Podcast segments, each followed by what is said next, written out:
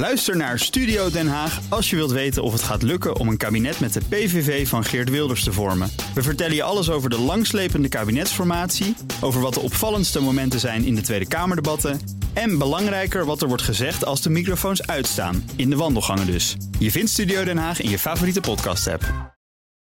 De Nationale Autoshow wordt mede mogelijk gemaakt door Leaseplan. BNR Nieuwsradio. BNR, de Nationale Autoshow. Nout en Wouter. Er breken gouden tijden aan voor interieurontwerpers dankzij de zelfrijdende auto. Ja, of niet? Nee. Ja, nee, ja, dat kan ook nog. Ja, hè? dat kan Alles ook. is nog mogelijk. Ja. En onze gast van vandaag, die, ja, die bepaalt wel een beetje waar het naartoe gaat. Oké, dus we we kunnen zo dadelijk wat verzoekjes hier neerleggen... en dan gaat hij dat voor ons verwerken in interieurs, denk ik dan zo. Ja, ja, ik weet niet of het zo makkelijk gaat. ja, in, ons, in onze beperkte levenswereld is dat wel zo, hè? Wat zou jij nog heel graag in je auto willen? Weet je wat ik mis in eigenlijk bijna iedere auto? Is gewoon een fatsoenlijk telefoonhouder. Waar je gewoon je, je telefoon op ooghoogte in kan klemmen of in kan zetten of zo. Het is altijd weer, weet je, eh, bijvoorbeeld BMW. Ja, ik rijd natuurlijk nu BMW. Dan, Ja. het idee is dat je hem dan in je middenconsole legt. Ja. En er echt nooit meer op kijkt. Ja, het is heel in, in een utopische, fantastische Ja. wereld. Waar ik ook nooit in de file sta en alleen maar over bergpassen drift. Zou dat inderdaad handig zijn. Maar die wereld, ja, daar leef ik nu niet Mhm. Nee, in. Dus ik wil graag. ik wil, ja, Ik de- En, en alles via Apple CarPlay. eh, nou, ik hoef hem niet weer te renten over Apple CarPlay. Maar dat is gewoon echt. Weet je wat, we gaan het er dadelijk uitgebreid over hebben, Wouter. Wat Ja. leuk. Een half uur. Eerst ga ik iedereen welkom heten. Oh, een uur lang alles over auto's en mobiliteit hier op BNR. Meepraten, dat kan via Twitter, BNR Autoshow. Druk even op het knopje. Ja. Zal ik ook een keer? Hier. Ik dacht, laat onze luisteraars even het interieur van hun auto in een foto naar ons sturen. Via Twitter, niet tijdens het rijden natuurlijk, want we willen Ja, niet dat mensen... Gewoon. Weet je, op de adaptieve cruise control kan het gewoon. Dan zou het kunnen, inderdaad. Dus stuur eh, je, je foto naar BNR Autoshow. Benieuwd of dat gemaakt is door Jan Feng. Eh, straks in deel 2 alles over de Toyota Yaris GRMN. Een eh, bommetje op wielen.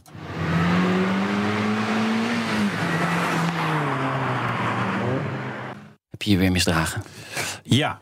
Nee, absoluut. Ja, dat is wel wat deze auto oproept. En dat is dus een jaar. Het is de auto eh, van je tante, Ja. maar dan met een motor uit een, eh, uit een Lotus. En echt mooi onderstel. Nou, nee, weet je, eigenlijk wordt een lofzang Ja. echt wel een hele gave, gave, gave, hele gave auto. En ook nog ontwikkeld door een Belg. ja, nou, Ja. ja. ze kunnen dus toch nog wat, behalve patat bakken daar. Ja. Oh, Nou, ze gaan- bonbons maken. Nee, ze kunnen wel heel ze veel gaan wel naar het WK, hè? Dus ja, hou op, schijnt. mogen niks zeggen. nee, we nee. beginnen vandaag met Jan Feng, 's werelds grootste producent van auto-interieurs. Te gast dit half uur Han Hendricks. Hij is Chief Technology Officer bij het bedrijf. Welkom. Is het niet Jan Veen, maar Yang Feng? Het is Jan een beetje- Feng, ja. ja. Nou, Wat is het? Hoe we spreek je het sowieso een beetje anders uit. Je Ja. zegt met Jan Fong. Yang Fong. Fong. We hebben Ja. weer wat We geleerd. spreken het al een uur verkeerd uit, hey, het is nog een redelijk jong fusiebedrijf. Dat klopt. Het, Ja. is even, het is waarschijnlijk een van de grootste start-ups ter wereld. Het bedrijf is eh, sinds juli 2015 actief. En eigenlijk het resultaat van een merger van een groot Amerikaans bedrijf, een divisie van Johnson Controls, en de Chinese Yangfang Automotive Trim Systems. Dus Amerikanen vormen samen met Chinezen één bedrijf. He- inderdaad, een hele spannende combinatie. Want er Ja. zijn ook nog heel wat Duitsers in betrokken, wat Fransen, wat Italianen. Dus erg, erg internationaal. Ja, en ook in ieder geval één Nederlander. Ja. ja, dat ben jij. Ja, inderdaad. Hoe kom jij daar terecht? Zo hoog. Nou ja, ik werk er sinds 19 jaar ongeveer. En ehm, toen ik er begon, was het, eh, was het een start-up in Europa. We begonnen met een paar honderd mensen, ondertussen ook eh, heel wat mensen meer.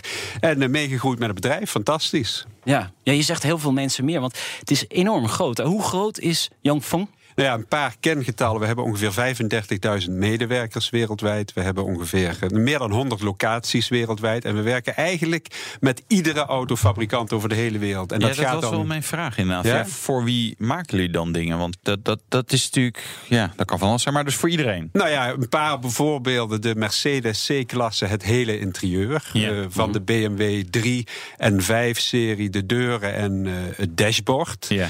Waarom dat verschil? Bij Mercedes wel Nou het ja. hele interieur en bij eh, BMW... Ja, dat, dat wisselt een beetje. De ene fabrikant voor het ene model sourced het hele interieur... en de andere alleen de deuren of het dashboard. Ja. Het is, er moet ook een beetje concurrentie zijn... om de prijzen van toeleveranciers te kunnen drukken natuurlijk. Ja, absoluut. En, en als ze tijd genoeg hebben, dan gaan ze het allemaal zelf eh, doen? Of, eh, of hoe Nou, werkt dat? niet- ja, Zelf, nou ja, het is- eh, weet je, zelf inkomen. Ik kan me voorstellen. Want als je natuurlijk met zeg maar, voor een deurklink eh, en een stoel en de gordel weer iemand anders moet bellen, Ja. is het handiger om eh Yang eh, Fong eh, gewoon te bellen. Zeggen, nou, doe mijn interieur. Precies, doe maar een interieur. Scherp prijsje. Turnkey. En dan is het morgen geleverd. Ja, inderdaad. Nou ja, het wordt gewoon veel te complex. Hè? Als Ja. je kijkt hoe een auto zich ontwikkelt, de technologie en de complexiteit. En ook die autobedrijven kunnen niet meer alles in-house. En daarbij komt dat ze ook nog over de hele wereld moeten produceren. Dus eh, ze, ja, we helpen ze. Moet je ook echt strijden om een order? Ja. Ja? Ja, zeker. In eh, 99,9% van de gevallen. Er zijn een handvol concurrenten die eh, op, hetzelfde, op dezelfde schaal meespelen, net als eh, Jan Feng.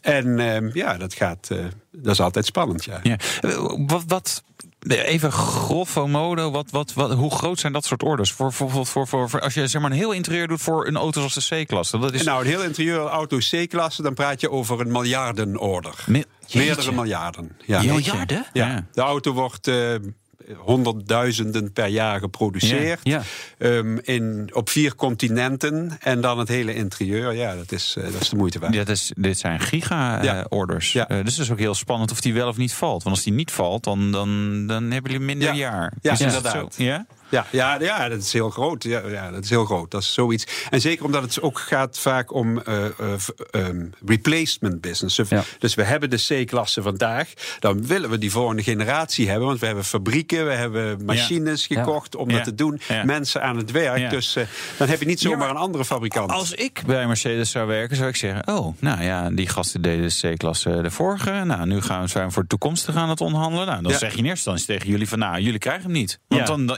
willen het graag. Dus dan ga je lager qua prijs. Of, ja, of, of, ja, precies. of- het gaat, het, eh, af en toe dan is het Een bijna hele als... on- onaardige onderhandelaar zou ik zijn Ja, in deze niet. fictieve Ja. situatie. Maar Maar- het vreemde is, je praat, je praat over miljarden en het lijkt alsof je op de markt staat. Dan Ja. gaat het echt over de laatste uren. En dan heb je vaak, onze concurrent zit in dit kamertje, wij zitten ernaast. En dan lopen ze heen en weer. Echt waar? Het is geen grapje. Oh, En de raad van bestuur, die beslist uiteindelijk. Uiteindelijk wel, ja. Dat Ja. zijn de grote orders. Ja. Dan krijg je hier echt een kijkje in de keuken. Ja? Fantastisch.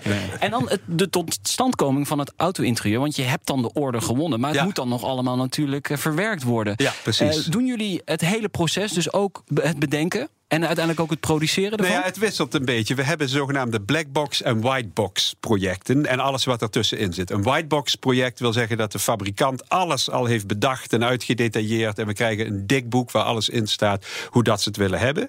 En dan eh, is het een kwestie van uit-engineeren en produceren. En Dat is makkelijk. Dat is mak nou ja, dat is makkelijk. Dat is eigenlijk moeilijker voor ons. Want als Oké. het een black box is, dan kunnen we heel veel zelf bepalen. Maar dan kunnen we het ook volledig aanpassen op eh, de productierealiteit en de cost targets die we hebben. En dat is in dat eerste geval moeilijker. Ja, ja, maar daar zitten soms oplossingen in waarvan ik denk, ja, maar dit, dit dat kan, niet. helemaal Nee, niet. precies. Nee. Inderdaad.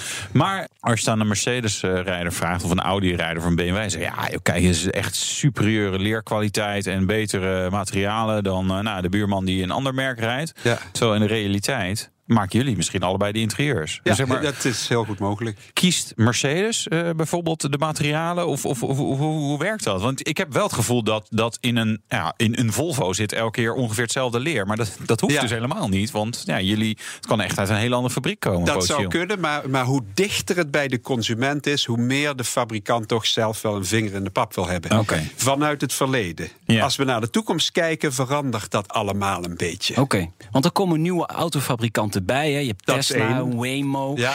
Zijn dat fabrikanten die anders te werk gaan? Zeker. Ja? Ja, we zijn daar heel vroeg. eh, En die zeg was in maar, een Tesla gezet. Ik lees wel eens fora. ja, Jij ja, ook, hè? Ja, ja, nee, nee. Nou, goed, maar goed, ja, ja, ja. Niet gehinderd door 100 jaar kennis van de automobielindustrie en hoe je een auto ontwikkelt en produceert, eh, gaan, die, eh, gaan die jongens aan de slag. En dat is Ja. super spannend. Ja. Want eh, ze hebben hele andere denkmodellen over Ja. het ontwikkelen en produceren van auto's. Ja. Wat soms heel goed gaat, denk ik. Ja. Eh, Ik vind wel het voorbeeld met Tesla met deuren die vanzelf open gaan en zo. Daar Ja. wordt sommige buurman van mij vinden het echt helemaal fantastisch. Maar Ja. andere dingen dat ik denk, ja, weet je, wie heeft er bedacht dat je een soort grote bak hebt als middentunnel? Eh, Weet je, je wil vakjes en je wil dingetjes Ja. en zo. Dat, dat, zijn dat producenten waar jullie ook al mee eh, in contact zijn? Ja, met, eh, ja, met zeg maar alle grote. En het is ook ongelooflijk. Hè? Als je kijkt naar de drie grote. ehm, Waymo, zeg maar de spin-off van Google. Ehm, eh, Apple is, is bezig, weten we allemaal. Ehm, en ook Amazon. Nou, die drie ondernemingen die hebben een marktwaarde tien keer zo groot als BMW, Mercedes en Volkswagen. Ja. Dus ah, zij zijn serieus bezig om in dat automobiel, eh, in, die, in die business in te stappen. En ze zijn er al een paar jaar mee bezig. Dat gaat een impact hebben wat we ons nu nog niet En realiseren. Giel, geloof jij erin dat het lukt? Ja. Gaat het zo lukken? Ik ja? ga, ja, misschien niet alle drie even goed. Nee. Maar ehm, zij gaan het, het spel gigantisch veranderen. Komen zij ook wel eens met, met suggesties van je denkt, ja, maar dit gaan we gewoon niet doen. Dit, is- dit, dit, Nou ja, dit, dit werkt gewoon niet. Ja, onze grote vriend Elon Musk staat erom bekend dat hij doelen stelt, ook voor ons. We Ja. werken ook met Tesla, waarvan we weten dat gaat niet lukken. Maar ondertussen weet iedereen wel een beetje dat dat dan niet gaat lukken. Ja. Maar ja, hij stelt ze heel hoog. En, en daardoor komt hij wel vaak veel verder dan de, dan de traditionele bedrijven. Maar heb je een concreet voorbeeld? Iets van, dit willen we in een auto verwerken. Hoeft niet Tesla of zo te zijn, maar dit willen we verwerken. Maar dat gaat nou ja, helemaal niet Nou ja, ehm, ik eh, heb een eh, heel interessant gesprek gehad met de, de CEO van Waymo, John Kraftik. En eh, terwijl we allemaal nog over ehm, eh, autonoom level 3, 4 of 5 reden, praten, Ja. zei hij... we gaan die hele fase met een stuur in de auto... wat je af en toe gebruikt, overslaan. We gaan meteen van de auto's zoals ze nu zijn naar onze auto... en onze auto's krijgen geen stuur meer. En dat was ongeveer 15 maanden geleden, dat gesprek. En toen dacht ik, hmm, geen stuur meer. Echt, Ja. hè? helemaal niet meer. En? Ja. Mag je daar Ja, iets over zeggen? Onder, sinds eh, twee weken rijden er, eh, eh, nee, komen er 500 taxis in de stad Phoenix van Waymo met een dashboard waar geen stuur meer in zit, die gewoon door het publiek gebruikt kunnen worden. Ze hebben dus toch door kunnen drukken. Ja, geen stuur. Zometeen, hoe ziet het interieur van, er van de toekomst uit? Nou, Dus- geen stuur ja, nee, dat hebben we dus nu gehoord al. Hey, goede tease weer. En we doen de petrolcheck. Kijk, BNR Nieuwsradio. De Nationale Autoshow. tijd voor het eh, nieuwsoverzicht van deze week. Wouter, eh, de iPace. Eindelijk, hij is er. Na 16 jaar teasen.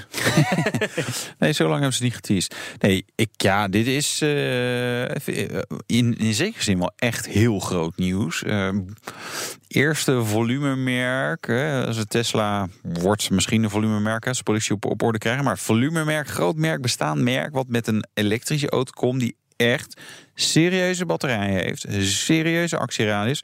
En de NEDC-testcyclus die we niet meer mogen gebruiken... geloof ik boven de 500, ruim boven de 500 kilometer. Meteen zeg maar de langste actieradius voor een elektrische auto ever. Eh, in de praktijk zal het ja, 400 kilometer, 350, 400 kilometer. Dus, dus echt gewoon een, een grotere accu dan Tesla. En Ik zit even te zoeken hoor. 94 kilowattuur volgens mij, eh, of iets dergelijks. 90, 90. Dus 540 kilometer volgens NEDC. Ja, dat is gewoon fors. Dit is, dit is, ja, dit is gewoon echt serieus concurrent eh, voor Tesla. Geen enkele andere auto op dit moment in het segment, hè? Die dit überhaupt Nee, kan voorleggen. Nog niet.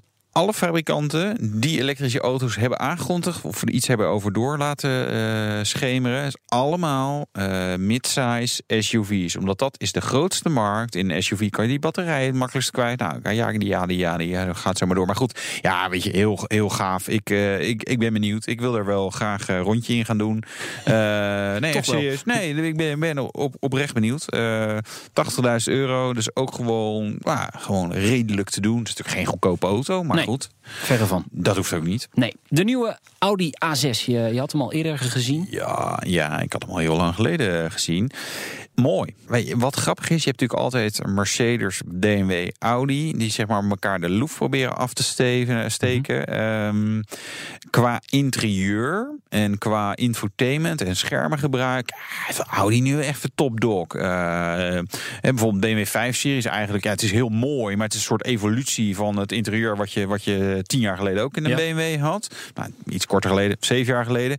En eh, hè, nog maar één scherm, het is wel een touchscreen. Audi twee touchscreen. Touchscreens waar je allerlei verschillende dingen mee kan doen. Het is echt wel Nieuw. weer, ja, ja, echt dat je En denkt... oh, anders. en anders. En eh, ja, goed, ik heb het ook niet mee gereden. Dus wat dat betreft weet ik niet eh, hoe handig het echt is.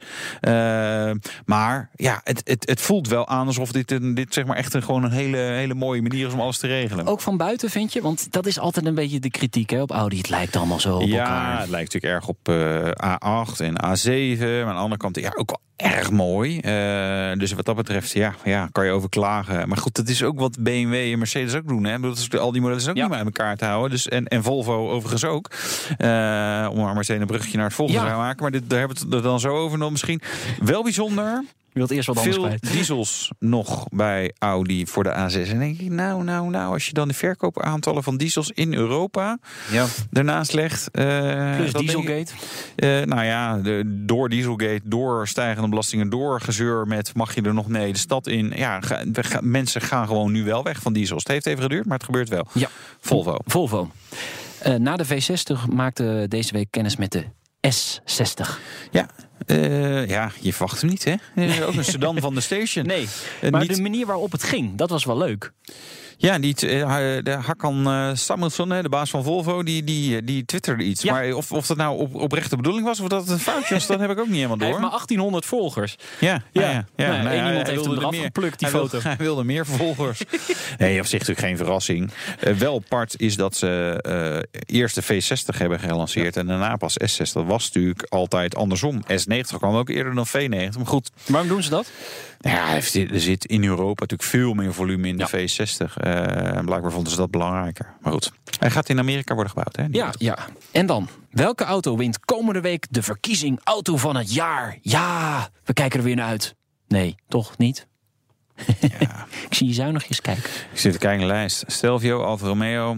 Leuk, maar ik, dat, dat, ja, net niet goed genoeg, denk ik. Audi A8, jawel, meestal te duur. BMW Te duur. 5-serie, mm, denk ik ook te duur. Citroën C3 Aircross, ik zie weinig reden waarom die zou moeten winnen. Kia Stinger, ja, leuk, maar ook geen eh Seat Ibiza, Volvo XC40. Het zal tussen die... Ik, ik Gaat tussen die laatste twee? Ja? Ja, maar ik denk dat XC40 gaat winnen. Ja, echt waar? Waarom? Weet je, qua alle systemen lopen ze wel voor op. Ze hadden eigenlijk meteen een elektrische versie moeten brengen. Of een, eh, of een goede plug-in hybride. Die komt wel, hè, die komt wel, maar ja. die hebben ze nog niet aangekondigd. Dus dat is het enige wat je een beetje er tegenin kan brengen. Het ziet er goed uit. Ja, en Volvo mag ook wel een keertje winnen. Ik denk dat dat ook wel een beetje meespeelt. Maar goed, wij zijn meer Volvo-land Nederland dan andere landen. Maar eh, Ik denk dat de XC40 wint, maar ik hoop de Kia Stinger. Dat ja, vind maar ik toch... die gaat Ja. zeker niet winnen. De Petrolhead Check. Ja, die moeten we natuurlijk even doen met de CTO van Yongfeng, Han Hendricks. En eh, we gaan ontdekken of je een echte autoliefhebber bent. Wat denk jij? Nou ja, dat, dat gaan we weten na deze vragen. Hoogste boete ooit gescoord. Dat is heel bijzonder. Ik ben een maand eh, mijn rijbewijs kwijt geweest. Want in Duitsland zijn de boetes laag. Ja, klopt, Maar ja. al heel snel verlies je je rijbewijs. Maar dat was 50. eh, maar ja, nee, maar dan moet je toch wel echt een fors te hard rijden, wil je Ja. hem eh, kwijt. Nou de- ja, of een paar keer harder dan 20 kilometer te hard. In mijn geval was het jammer genoeg fors te hard. Ik was er in één keer vanaf. En krijg je dan ook nog een boete? Ja, maar die is dan relatief klein. Oké. Ja. oké. Nou ja, zo, zo ben ik ook in Frankrijk ooit een maand Ja? rijontzegging. Maar het was maar 125 euro boete. Waarvan daar Ja. moest ik in eerste instantie om lachen. Maar toen hielden ze dat papiertje. Dat was toch weer Kom je minder. toch niet zo vaak, Frankrijk? Nee, nou ja. Wat was je allereerste auto?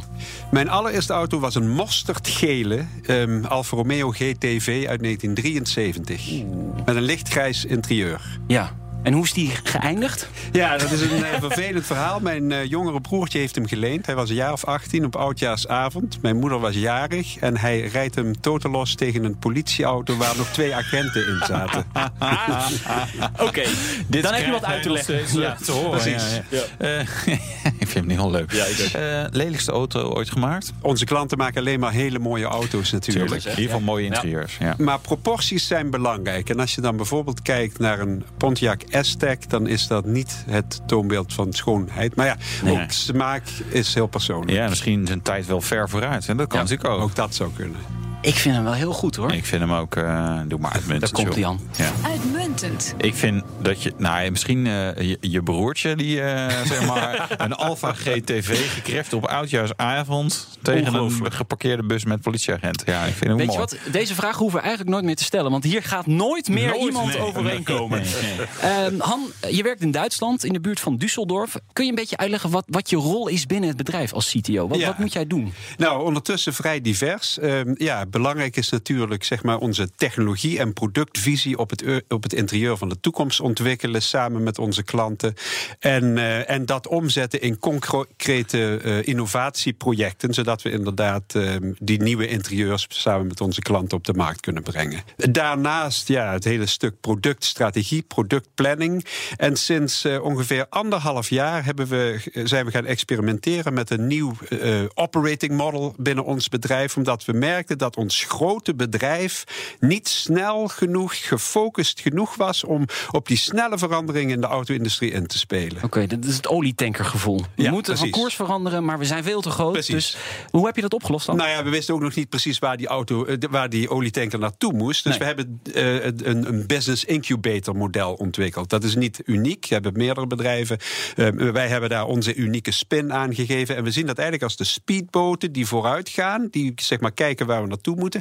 Maar ook de eerste business opbouwen in, op, die, op het gebied van die nieuwe dingen. Oké, en, en hebben jullie al partijen eh, overgenomen of, of, of samenwerking mee? Ja, we hebben een, eh, een samenwerking met een eh, Duits elektronica bedrijf, ook een wereldwijd bedrijf, Ja. de firma Kostal. En daar zijn we eigenlijk mee bezig om zeg maar wat nu hele mooie eh, interieuroppervlaktes zijn, om die intelligent te maken en Ja. functies te integreren op een manier die je eigenlijk niet ziet, maar als je het nodig hebt, is het er. Het zijn Dat eigenlijk klinkt dus wel heel ja. wazig hoor. Ja. Wat, wat, eh, dus dus, dus een, een, een Nou ja, eh, dat varieert van, eh, van licht in het interieur integreren. Licht Ja. wordt steeds belangrijker. Ja. Maar ook eh, de- dat de oppervlaktes ehm, eh, warm worden of koud worden. En daarmee een aangenaam klimaat in het Ja. interieur creëren. Niet die harde lucht die je in je gezicht blaast. Mhm. Nee. Maar ook steeds meer eh, jij met je iPhone, die daar een beetje onhandig mee omgaat. Die hele connectiviteit. Dat je zeg maar eh, de human-machine interface, de interactie met de buitenwereld en zo via die oppervlaktes in het interieur gaat doen. Oké, heel spannend. En, maar, maar doen jullie dat ook, die, die, die, de infotainmenthoek, zeg maar? De, de, de- of, of is dat eh, deel eigenlijk weer eh, iets dat anders? is wat anders. Ja, Ja. dat is wat anders. Kan wel echt nog veel en veel en veel beter. Hè? Veel beter, ja. Het is ongelooflijk. Maar waarom gebeurt dat niet? Waarom duurt het allemaal zo lang? Nou ja, ik denk ook dat eh, de auto-industrie, de traditionele auto-industrie, dat zijn allemaal mechanische hardware-jongens. En, en dat is de digitale wereld. En ondanks dat het een hele technologiegedreven industrie is, is, het, is dat samengaan, dat integreren van die werelden een moeizaam proces. Ook omdat zeg maar, die hardware-kant, dat heeft gevraagd om enorme investeringen in het verleden. En daar stappen ze niet zomaar vanaf. Nee. Nee. Jij moet natuurlijk om tafel met die fabrikanten uiteindelijk. Daar zitten ook Nederlandse designers. Ja. En uiteindelijk wil je toch weten waar zij ook een beetje naartoe gaan. Ja. Dat kan ik me voorstellen. Wissel je ideeën uit? Nou ja, voor ons is het natuurlijk moeilijk om, eh, om eh, een Laurens van den Akker of een Adriaan van Hooijdonk te bellen en te vragen: vertel nou eens even precies waar gaat de reis bij jullie naartoe. Maar wat wij dus doen is, eh, we investeren veel in, in consumentenonderzoek, eh, eh, technologieonderzoek en we ontwikkelen onze eigen visie op het interieur van de toekomst. En dan bellen we dat soort bedrijven en dat soort mensen op en vragen we en zeggen we: we zijn de grootste, we hebben een beeld waar de reis naartoe gaat. Ja. Kunnen we dat eens laten zien? Ja. Waar gaat de reis naartoe? De reis gaat toe, naartoe. Nou ja, een mogelijk scenario. Dat is toch een, eh, een auto die elektrisch aangedreven wordt. Ja. Die eh, autonoom rijdt. Steeds minder eh, het, het stuur in handen tot het helemaal verdwenen is. En, en ook gedeeld wordt met andere mensen. Niet meer in bezit Ja. is van één familie of persoon. En wat betekent dat concreet voor het interieur? Nou, concreet voor het interieur betekent dat dat mensen die nu in een auto zitten, sowieso eh, één of twee mensen in 80% van de gevallen. Dus je rijdt, je rijdt met een heleboel ruimte om je heen, terwijl je met je handen aan het stuur zit en eigenlijk alleen maar naar de weg kijkt. Dus nu ga je die ruimte benutten. Je gaat andere dingen doen. En wij maken dan het onderscheid in twee groepen. Je gaat of eh, activiteit hebben waarmee je kunt relaxen, of je gaat aan het werk. Dus je hebt eh, bagageruimte nodig voor je laptop en dingetjes die je moet pakken. Ja. Je wil een werkvlak hebben om te werken, je computer en noem maar op. Of sporten. Of sporten. of Zo'n soort sporten. lichtfiets. Ja, nou, je zegt van joh, ja, ja. Ik hebben heel wat, auto, eh, maar ik ga wel even voor mijn home trainer. een We hebben heel wat schetsen en ideeën ondertussen over hoe kun je inderdaad sporten als je je half uur naar je werk rijdt of s'avonds terugkomt. En dan krijg je natuurlijk allerlei verschillende functies. Ja. eh, En, en die in een huis vaak ook al niet in één ruimte te combineren zijn. Dus dat Nee. is best wel ingewikkeld om daar een. Ja, Ja, maar daar, een komt, model. ja, en daar komt dan dat goede, dat logische van dat shared mobility. Want Ja. als jij denkt, ik wil vanavond sporten op weg naar huis, dan Ja. huur ik zo'n pot waar ik een half uur in zit, waar dat soort apparatuur in zit. En ik Oké. betaal voor dat half uurtje dat ik die auto gebruik. Ja. Ik hoef dat niet in mijn eigen gezinsauto te hebben. Nee. Die is wel tot een bepaalde mate flexibel. Maar voor die specifieke toepassingen. Toch, ja, ik, ik twijfel heel erg over die shared eh, toekomst. Maar goed, dat, dat, dat, is- dat, is- dat is een interessant. Nou, kijk, als ik naar mijn eigen gebruik kijk, maar ook bij mensen om me heen. Wat heb ik nu bij me? Een kinderstoeltje. Die heb ik dan even in de achterbak gegooid net. Want iemand wilde nog even een rondje in de jaris. Ja, dat is voor verrassend dat mensen een rondje in de jaris willen. Maar deze jaris wel. Hey, ik, weet je, je moet vaak kinderen meenemen. Dus moet je kinderzitjes bij hebben. Ik ken ook mensen die, ja, die eh, werken en gaan daarna sporten. Dus die hebben een sporttas. Of een, weet je, waar? Een auto is ook een soort opslagding voor... voor Verlengstuk van je huiskamer. ja, nou, meer verlengstuk van je garage waar je gewoon allemaal zooi in gooit. Die je dan even, even ja, dat is handig Ja, om mee te hebben. Dus Ja. wat doe je daarmee? Dat kan al niet in een, in een deelauto. Nee, dat kan niet in een deelauto, maar dat kan wel heel veel. Ja. En het is ook niet een 100% vervanging binnen vijf jaar. Maar ik, ik, Nee. ja, ik geloof erin. Ja, ik, dit is zo logisch. Hoe lang gaat dit dan nog duren? Spreken we over 5, 10, 15 jaar, 20 jaar? Hoe ver werk jij Nou de, nu de, vooruit? De schat, nou ja, wij kijken zo naar 25, 2025, 2030. We denken dat, eh, dat shared mobility tot 30% een rol kan gaan spelen in, eh, in 2030 van de gereden kilometers. Dus dan heb je het niet over ownership, maar dan Nee. van de gereden kilometers wereldwijd. en Ja. iedere fabrikant is hier ook mee bezig. Iedere fabrikant eh, zonder Ja. uitzondering. En jullie willen leidend zijn eigenlijk. Nou ja, we willen een partner zijn voor onze klanten om mede te bepalen het beste interieur van de toekomst. Onze visie van ons bedrijf is Better Life on Board. Ja. Dus het leven aan boord van een auto. Van een auto, ja. Ja. En dit, dit is verre toekomst, maar eh, k- kun je ons meenemen in het proces als je als wat dichterbij, eh, Ja. zeg maar, wij spreken een, een auto die over, ja, wanneer worden jullie ingeschakeld? Wanneer word je ingeschakeld? Is dat Ja. eh, als een auto over drie jaar op de markt komt of al meteen aan het Oh, begin? dat is een goeie. Nou ja, wat we zien is, we zijn steeds vroeger in het ontwikkelproces be- eh, be- betrokken. Want ook onze klanten weten niet precies waar het naartoe gaat. Nee. Dus we hebben drie groepen. We hebben de traditionele klanten die wat onzeker zijn en aan het zoeken zijn. We Wie hebben zijn- dus wie zijn dat? nou ja, nee, dat zijn eigenlijk alle gevestigden. Van Ja. Ford tot BMW, Mercedes, Audi. Mhm. Dan heb je een groep Chinese nieuwe bedrijven. Ook gehinderd door weinig, niet gehinderd door, door veel kennis. Nee. ehm, die onze hulp inschakelen. En je hebt die nieuwe. Ja, zeg maar Apples en Waymo's en Ubers. Die, eh, die onze hulp ook graag kunnen Maar- gebruiken. Uiteindelijk draait het om ons. Ja, inderdaad. Wij moeten in die auto zitten. Precies. Wat willen wij? Nou ja, ik wil een betere iPhone-houder. Dat is wel heel duidelijk. Nou, Ja. daar beginnen we Maar mee. dat die moet toch eigenlijk die leidend zijn? iPhone-houder. Ja, maar dat Nou moet ja, toch eigenlijk we leidend zijn, hebben daar natuurlijk onderzoek naar gedaan. eh, recentelijk ook. Wat is eh, levenskwaliteit aan boord van zo'n autonoom rijdende shared auto? Ja. Er zijn universele begrippen over de hele wereld die iedereen belangrijk vindt. Dat is veiligheid, ehm, eh, eh, comfort, kwaliteit, dat soort begrippen. Of je nou vijf minuten of een uur in die auto zit, of dat je die auto een paar jaar eh, hebt. Maar hoe langer je de auto hebt, hoe meer eh, flexibiliteit je wil hebben, hoe meer eh, eh, verschillende moods je in het interieur wil creëren. Ja, dan, dan wordt het anders. Toch vind ik dat wel een lastige. Dus, Ik stel, stel me voor dat ik dan op zo'n home trainer eh, in mijn zelfrijdende pot zit. Maar ja, die, die moet ook soort helemaal voor me. Nee, maar er moet, ook, er, moet- er, er moet ook een scenario zijn dat, dat er toch een ongeluk mee gebeurt. Al is het maar door een, een, een, een, een, een- ja, weet je, die auto zelf zal niet crashen, want daar Nou zijn ze slim is, voor. Dat maar, is best wel een interessante. Ja. Ja. Het thema veiligheid is belangrijk. Er Ja. is een theorie die zegt: oké, we hebben de komende jaren nog heel wat veiligheidssystemen nodig in een auto. Want er zal een mix zijn van autonoom en, en gewoon. Maar over een langere periode verwachten we dat al die veiligheidssystemen, die airbags en die structuren minder worden. Je werkt toe naar een grote internationale presentatie in januari 2019. Hè? Ja. Op de CES in Las Vegas, technologiebeurs. Ja.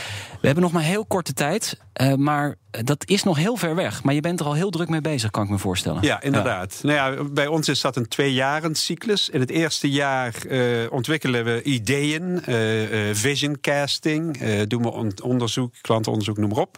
Ehm, dan eh, hebben we een visie waar het naartoe kan gaan en die laten we een aantal van onze klanten zien. Dus in plaats van dat we vragen, vertel eens wat jullie aan het doen zijn, zeggen we, kijk eens wat we hebben gedaan, wat vinden jullie ervan? Ja. Ja. Maar daar stoot je misschien ook wel mensen voor het hoofd. Of valt dat wel mee? Nou, we leren er ontzettend veel Ja. van. Want de, de ene keer zitten we eh, bij Adriaan van Hooijdonk en zijn team en horen het verhaal van BMW of krijgen feedback vanuit Ja. een BMW-perspectief. En de volgende keer zitten we bij Waymo in Silicon Valley, krijgen hun perspectief. Kun je een heel klein tipje van de sluier oplichten alvast? Hier, nu? Nou ja, het, wij gaan een auto ontwikkelen die, eh, die een shared interieur zal hebben. ehm, eh, waarbij flexibiliteit heel belangrijk is, interactieve oppervlaktes en, eh, en een iPhone-houder. Ja, nu. Ja, Kijk, die mooi. komt er nu al in te zitten. Ik, ja, het resultaat zien we pas in januari 2019. En wie weet spreken we dan weer eens. Want ik denk dat het wel heel interessant is om dit te blijven volgen, Wouter. Ja, dat is langer dan een zwangerschap dat we nog moeten wachten. Maar dat maakt niet uit. Hè? Ja, er kan nog is veel gebeuren in die de tijd. cliffhanger Hè, van het Nout? jaar. Dank voor je komst, eh, Han Hendrik, CTO bij Yongfeng, de grootste producent van auto-interieurs ter wereld. Zometeen, eh, Wouter. Ja, de man die, de, die echt de hot hatch. Nou, ik denk de, de leukste verrassing van dit jaar al eh, heeft ontwikkeld. is een Belg. Hij is nu Ja, aan het glimmen. Ja, nee, dit, is, dit, is gewoon, dit is gewoon leuk. Weet je. En dan kunnen we, we praten net al en er was, ja, dat gewoon wordt heel leuk. Wordt en we gaan rijden in de Volkswagen Golf R. Tot zo. De Nationale Autoshow wordt mede mogelijk gemaakt door Leaseplan. BNR Nieuwsradio. De Nationale Autoshow. Nout en Wouter.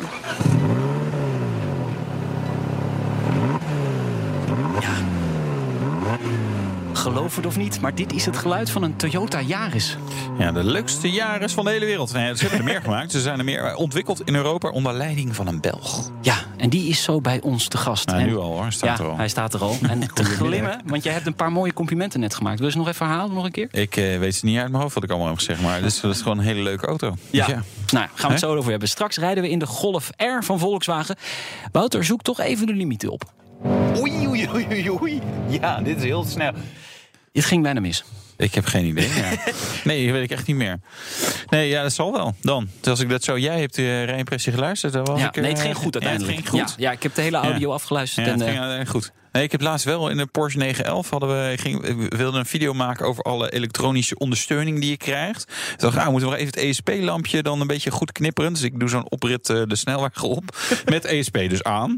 Eh, maar er is geen garantie voor dat er niet eh, echt wel hele spannende dingen gebeuren. Dus, Dus? dat nee, dat ging uiteindelijk Oh, goed. Maar wel dat ik dacht, nou, dit ging een stuk dwarser en, eh, en veel meer rijbanen nodig dan ik, eh, dan ik de bedoeling was. Ik dacht, je maar bent het naar- lampje ging wel aan. ja, ik dacht, je bent, je bent naar een Ja. climax aan toe werken. Ja, maar er nou, nou, het climax is dus als je die video kijkt zeg maar, op Autoblog... dat je dan zeg maar, dat knipperende lampje van de Porsche 911... dat ging, dat, daar, dat was dus een moment, dat was even spannend. Oké. Ja. We gaan praten over de nieuwste hot hatch van Toyota, de Ja. Yaris GRMN. Eh, hij staat hier voor de deur. En Wouter, jij hebt er de hele week in gereden. De hele week, vanaf maandag. Nou ja, dat is de hele week. Ja. Ja, ik, weet je, ik eigenlijk na, eh, denk ik, eh, een, een kilometer of, of twee... dacht ik, ja, dit is gewoon echt helemaal top. Bij Toyota op het terrein liggen vreemd genoeg allemaal drempels. ik weet niet wie dat heeft verzonnen, maar... Dat was omdat toen ze alleen nog maar Prius en zo bouwden, wel een heel goed plan waarschijnlijk. maar eh, ja, dan voel je meteen, hé, hey, dit onderstel is gewoon erg goed. En dan bij, ik bedoel, die auto was nog koud, maar dan heb je toch wel zeg maar een soort, soort doordraaier de snelweg op. Dus ga je 180 graden rond. Ja, dan voel je meteen van, hey, die balans van die auto is goed. De motor is, doet iets goed. En de- ja, ja, ik was, dacht meteen van, ja, dit, dit wordt gewoon leuk. Ik miste wel de stoelverwarming, toen al ook al, want het was natuurlijk koud deze week. maar nee, ja, gewoon gave auto. Gave auto. En te gast is de man die deze auto ontwikkeld heeft. En die heet Stijn Peters, manager van het R&D-programma bij Toyota in Europa. En dus de, ja, de maker van de Yaris GRMN. Allereerst die naam, GRMN. Wat, Waar staat het voor? Dat is, maar het staat voor Gazoo Racing Tuned by the Meisters of the Nürburgring. Dus het klinkt wel alsof, eh, alsof een extra episode van Star Wars is. Ja, ja, ja, ja. Wel, wel een beetje een moeilijke naam daarmee ook. GTI is makkelijker uit te spreken. Ja. Of Ja. T- T-Sport was vroeger ook nog, hè, Toyota. Juist. Hele leuke jaar is ook trouwens, eh, die eerste generatie Ja. T-Sport. Ik heb, trouw- oh, ik, eh, ik heb nog een gereden deze week. De tweede generatie Yaris die- met 1.8. Die was ook wel leuk. Niet zo hardcore, maar wel een grappige auto. Voor een beginner of is het een leuke auto nu? Juist, en wij gebruiken diezelfde wagen nog altijd in ons instructeursprogramma. Trouwens, om, eh, om onze mensen te leren rijden. Of iets sneller te leren rijden. Ja.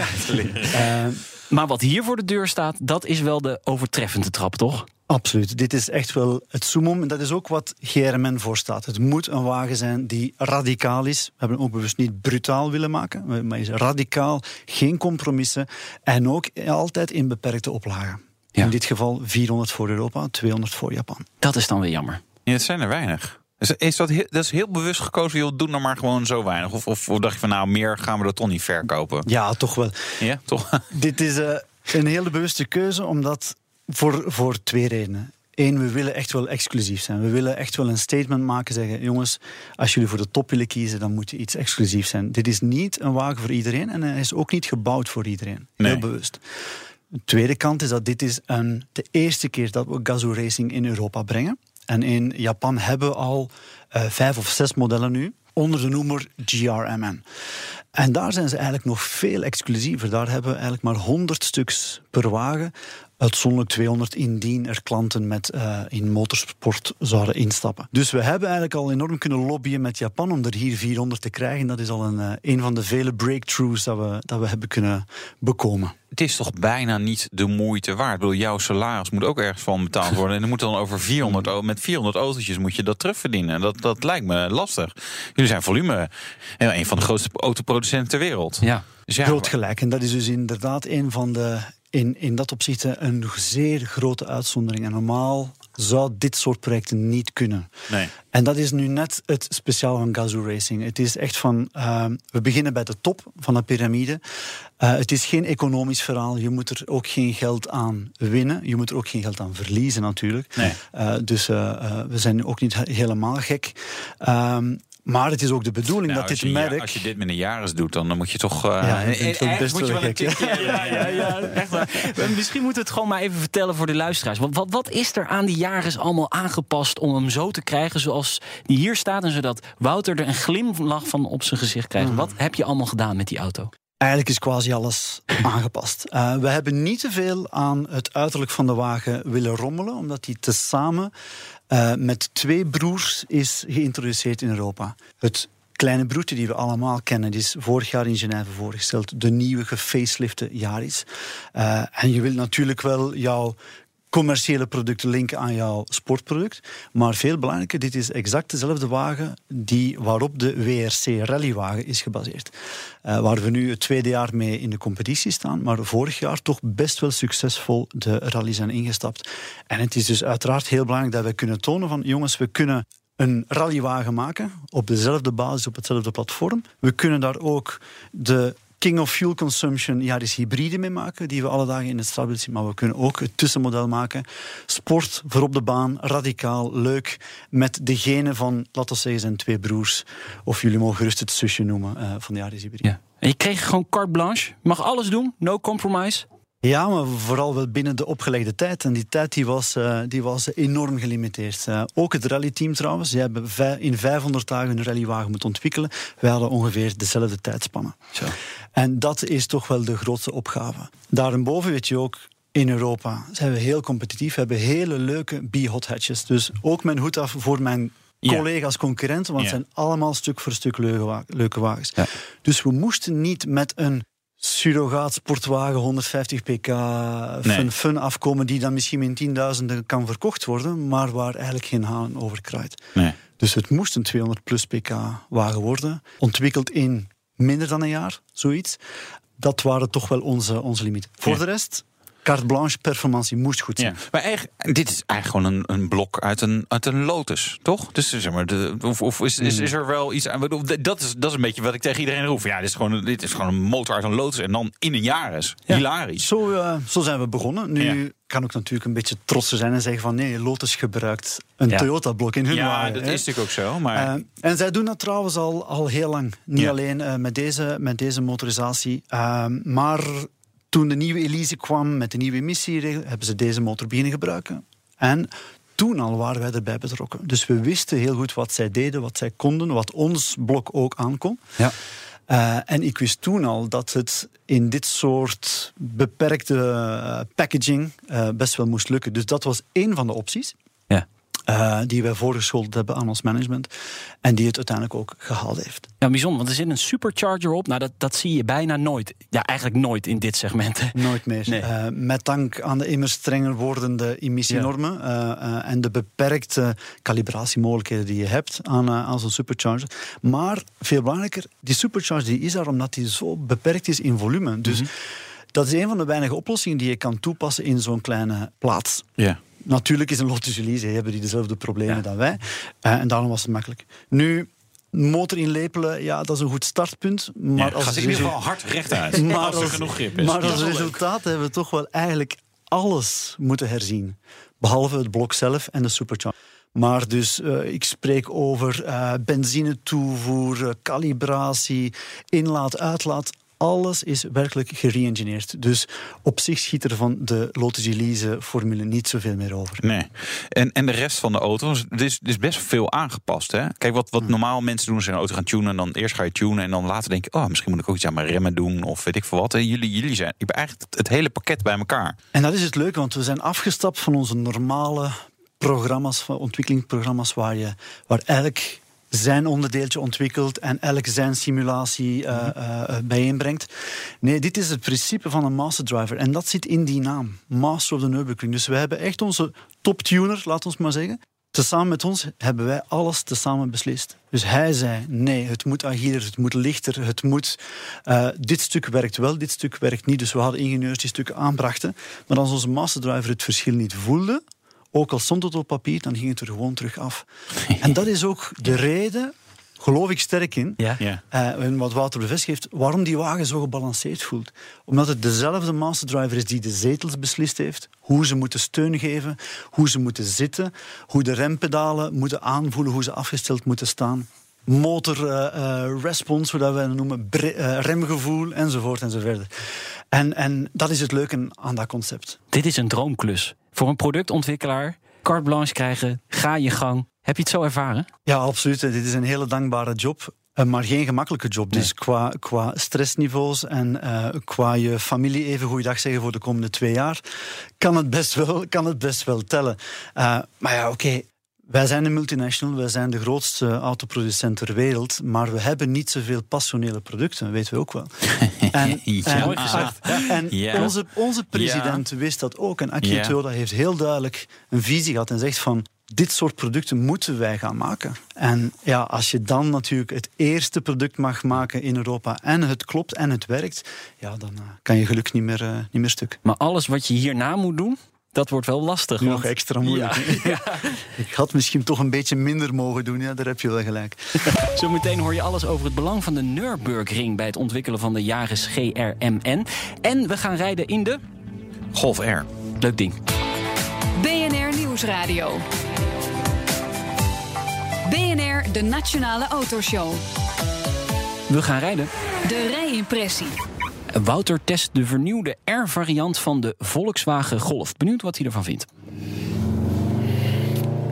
Mijn auto is deze kan ik niet anders dan beginnen met de prijs. Want nou ja, ik heb natuurlijk altijd die discussie: is iets duur of is het veel geld? En nou, in dit geval kan ik denk wel zeggen dat het en duur is en dat het veel geld is. Hè. Is er een golf voor, hou je even vast, 78.000 euro. Ja, dat is gewoon een klapgeld. En ja, het is ook duur. Hè, bij ons op de site, Autoblog, hebben we ook wel Belgische bezoekers. En die schrikken zich dan helemaal het apenlazerus met dit soort prijzen. Die denken, wat is hier aan de hand?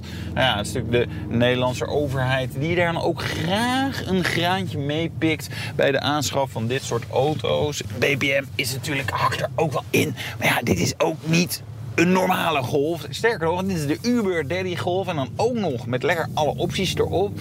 Er is een manier om te demonstreren dat dit toch wel echt een hele leuke auto is. Dan ga ik even hier ESP Sport, uh, bak in sport, remhemmel intrappen en gas in.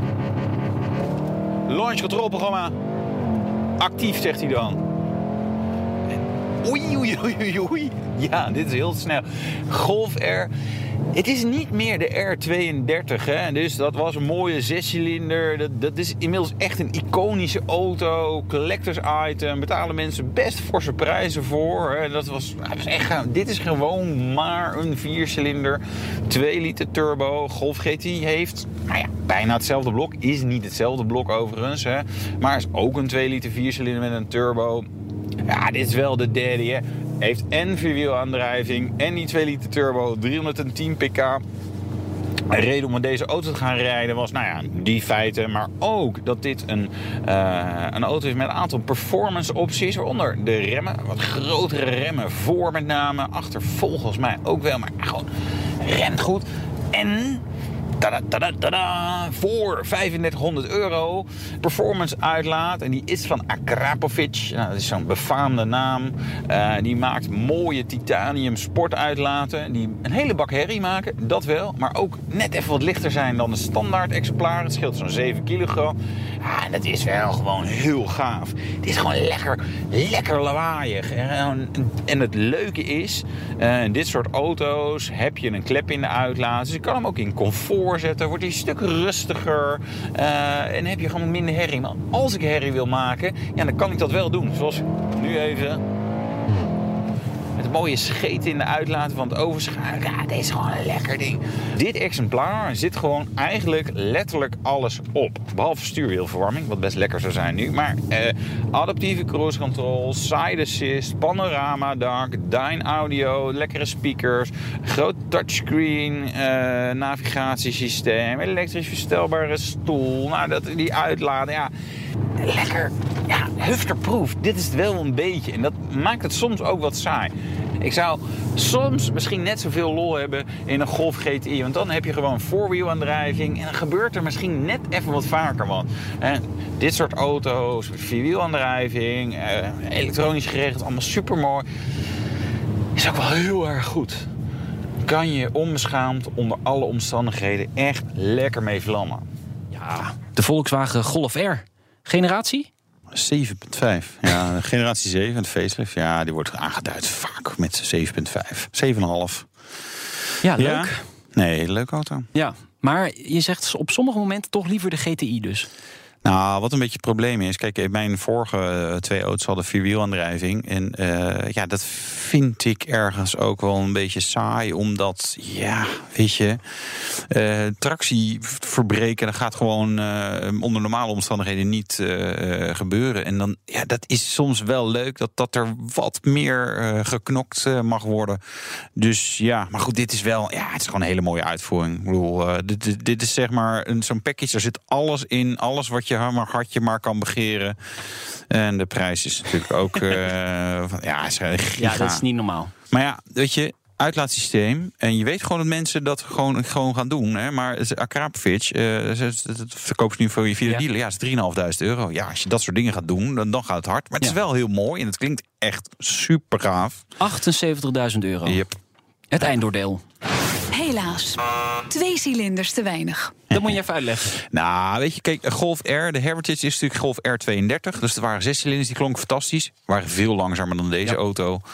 Dus dat is de achtergrond van die opmerking. Die is ook onbetaalbaar nu, hè, denk ik. Die, nee, nee, nee, nog wel. Maar dit zijn wel auto's die in prijs stijgen. Oh. Vooral Golf 4 R32. Dat, ja, dat, ja, dat is gewoon, gewoon een icoon. Weet je, en, en er zijn natuurlijk heel veel version niet, om het maar zo te zeggen. Met net iets te foute velgen en net iets te foute uitlaat. Dus als je een originele hebt, dan uh, ja, dat zijn auto's die, die uh, zeg maar de potentie hebben om in waarde te stijgen. Kun je er veel geld voor vangen? BNR Nieuwsradio. De Nationale Autoshow. En wij praten verder met Stijn Peters, manager van het R&D-programma van de Toyota Yaris GRMN.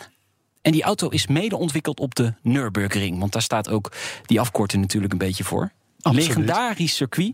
Hoe heb je dat daar gedaan? Hoe ben je te werk gegaan? Ja, sowieso is het een, een legendarisch circuit, om, omdat het een beetje alles omvat wat je in heel Europa kan, kan, of misschien zelfs wereldwijd kan tegenkomen met een sportwagen of zelfs met elke wagen.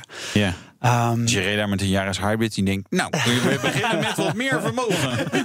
ja, die, die worden daar ook eigenlijk Ja. eh, toch wel op de proef gesteld. Maar dit soort Gazoo-producten net iets meer. Dus we hebben daar Ja. in totaal toch tussen de zes en de acht weken gekampeerd.